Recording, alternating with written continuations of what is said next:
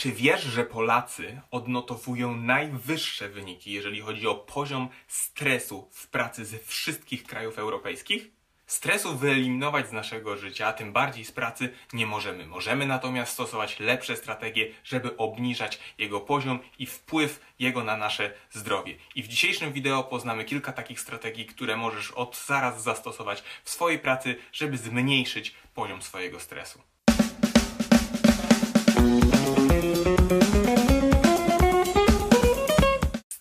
Pracy, jeżeli jesteśmy narażeni na niego dostatecznie długo, niesie za sobą niestety wiele bardzo negatywnych konsekwencji. Zaczynając od takich niegroźnych, jak przykład przeziębienia y, czy bóle głowy, kończąc na naprawdę bardzo przewlekłych chorobach, przykład serca, y, czy też przykład innych y, chorobach psychicznych. Tak jak wspomniałem, stresu z naszego życia nie wyeliminujemy, natomiast możemy realizować lepsze strategie, żeby jego poziom i wpływ na nasze życie po prostu obniżyć. I pierwszą rzeczą, jaką możesz zrobić, to dobrze rozpocząć swój dzień.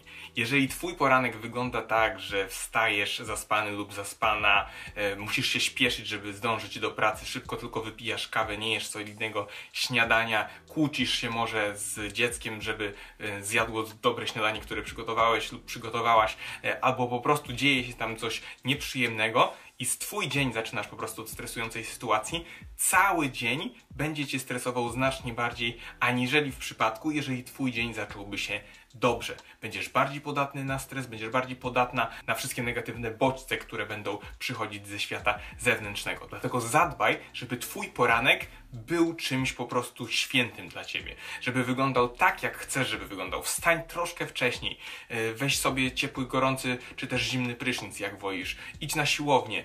Zjedz dobre śniadanie. Zrób tak, żeby te kilka pierwszych godzin twojego dnia było po prostu maksymalnie przyjemne. Wtedy wszystko, co przyjdzie w dalszej części Twojego dnia, będzie znacznie mniej wpływać na Twój nastrój, ponieważ zaczniesz dzień z tak wysoko postawionym poziomem zadowolenia, że nawet jeżeli jakieś drobne incydenty go obniżą, to nie wpłynie tak bardzo na Twój nastrój, e, jak mogłoby wpłynąć, kiedy Twój poziom e, zadowolenia czy szczęścia byłby na dużo niższym poziomie przez na przykład zły poranek. I za wszelką cenę unikaj konfliktów. Konflikty międzyludzkie mają swoje piętno, odciskują je nie tylko na zdrowiu psychicznym, ale również fizycznym. Dlatego zawsze, kiedy jest okazja do tego, żeby odejść od, od konfliktowej sytuacji, staraj się to robić. Nie chodzi tutaj o to, żeby być po prostu popychadłym, jeżeli ktoś chce na przykład coś zrobić wbrew naszej woli, to unikać konfliktu w tej kwestii.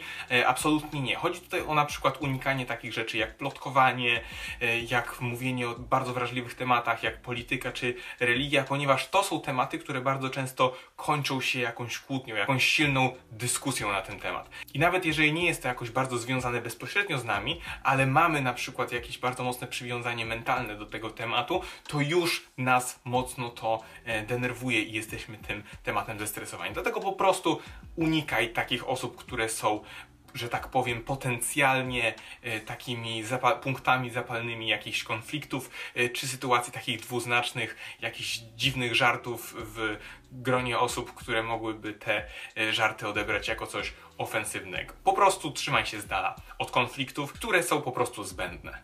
Zadbaj też o to, żeby rozumieć, jakie masz wymagania w pracy, czego się od ciebie oczekuje.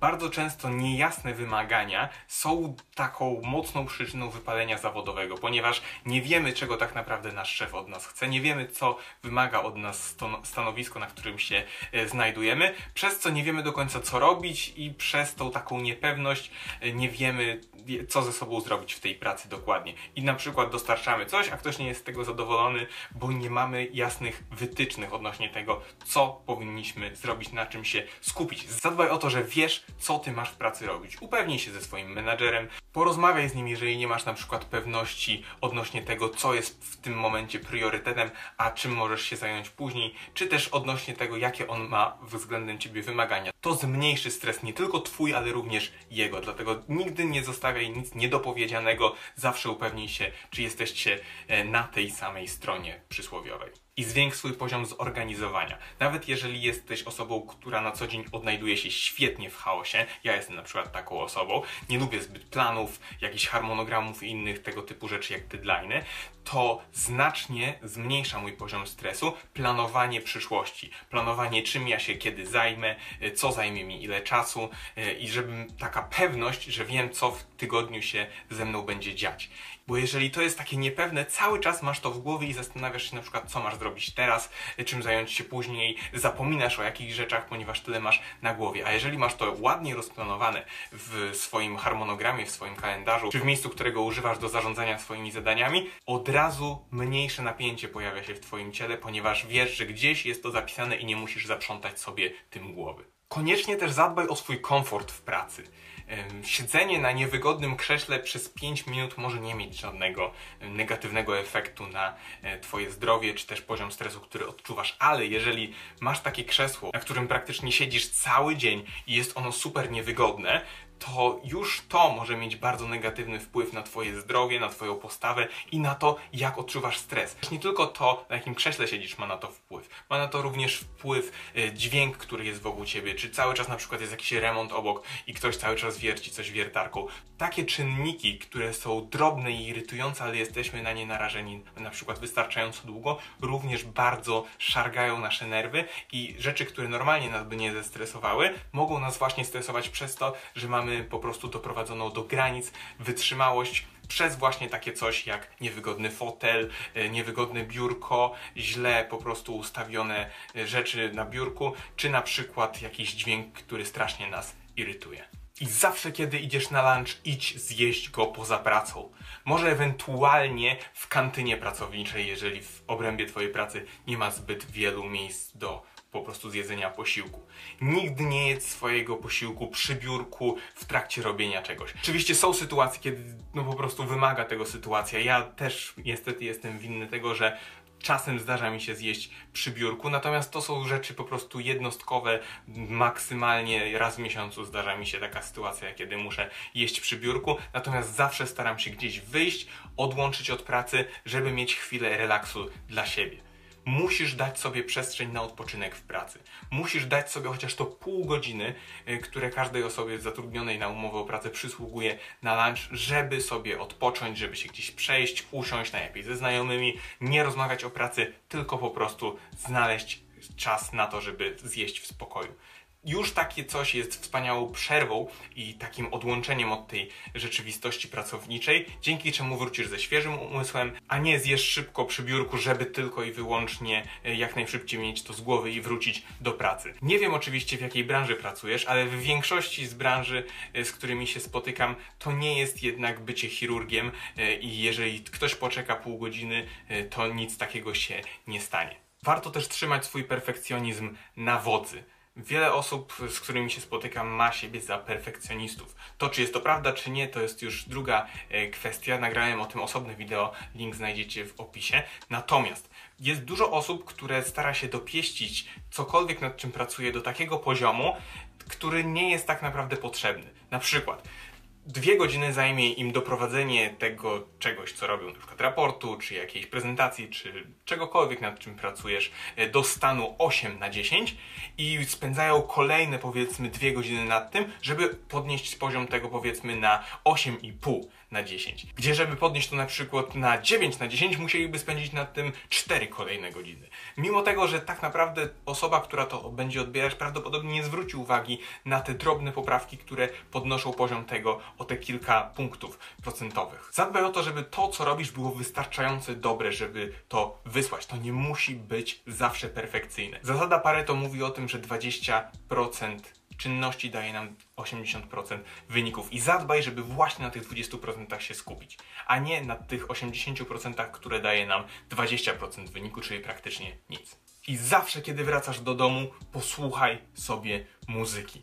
Zrób coś, co cię relaksuje. Ja uwielbiam słuchać muzyki, kiedy jadę do pracy, kiedy wracam z pracy, czasem na przykład również kiedy się czymś w pracy zajmuję, ponieważ muzyka ma tą niesamowitą właściwość, że bardzo wpływa na nastrój. Kiedy włączysz sobie taką poważną muzykę, e, gdzie są na przykład jakieś e, orkiestry, czy też muzyka filmowa, e, czy inni kompozytorzy bardzo klasycznej muzyki, to bardzo na przykład mnie uspokaja, wrzuca w taki stan skupienia. Natomiast kiedy potrzebuję więcej energii, kiedy potrzebuję na przykład siły na siłowni, włączam sobie muzykę, która jest bardziej energetyczna, która jest bardziej agresywna czasem, która po prostu jest szybsza. Natomiast kiedy jestem w domu i chcę się zrelaksować, to już zależy od tego, w jakim nastroju się znajduję i dopasowuję do tego muzykę. Ale muzyka jest niesamowita, ponieważ bardzo szybko może zmienić nasz nastrój. Bardzo szybko możemy stać się wzruszeni, kiedy słuchamy jakiejś piosenki, która nam o czymś przypomni. Bardzo szybko możemy też być bardzo zadowoleni, ponieważ puścimy sobie e, piosenkę, z którą mamy świetne wspomnienie, bo słuchaliśmy jej przez całe wakacje. Dzięki temu nasz mózg przestanie myśleć o pracy, tylko i wyłącznie skupi się na przyjemnych doznaniach, które mieliśmy podczas na przykład tych wakacji. Także to są strategie, które możesz od zaraz zastosować w swojej pracy, żeby obniżyć swój poziom napięcia, swój poziom stresu w pracy.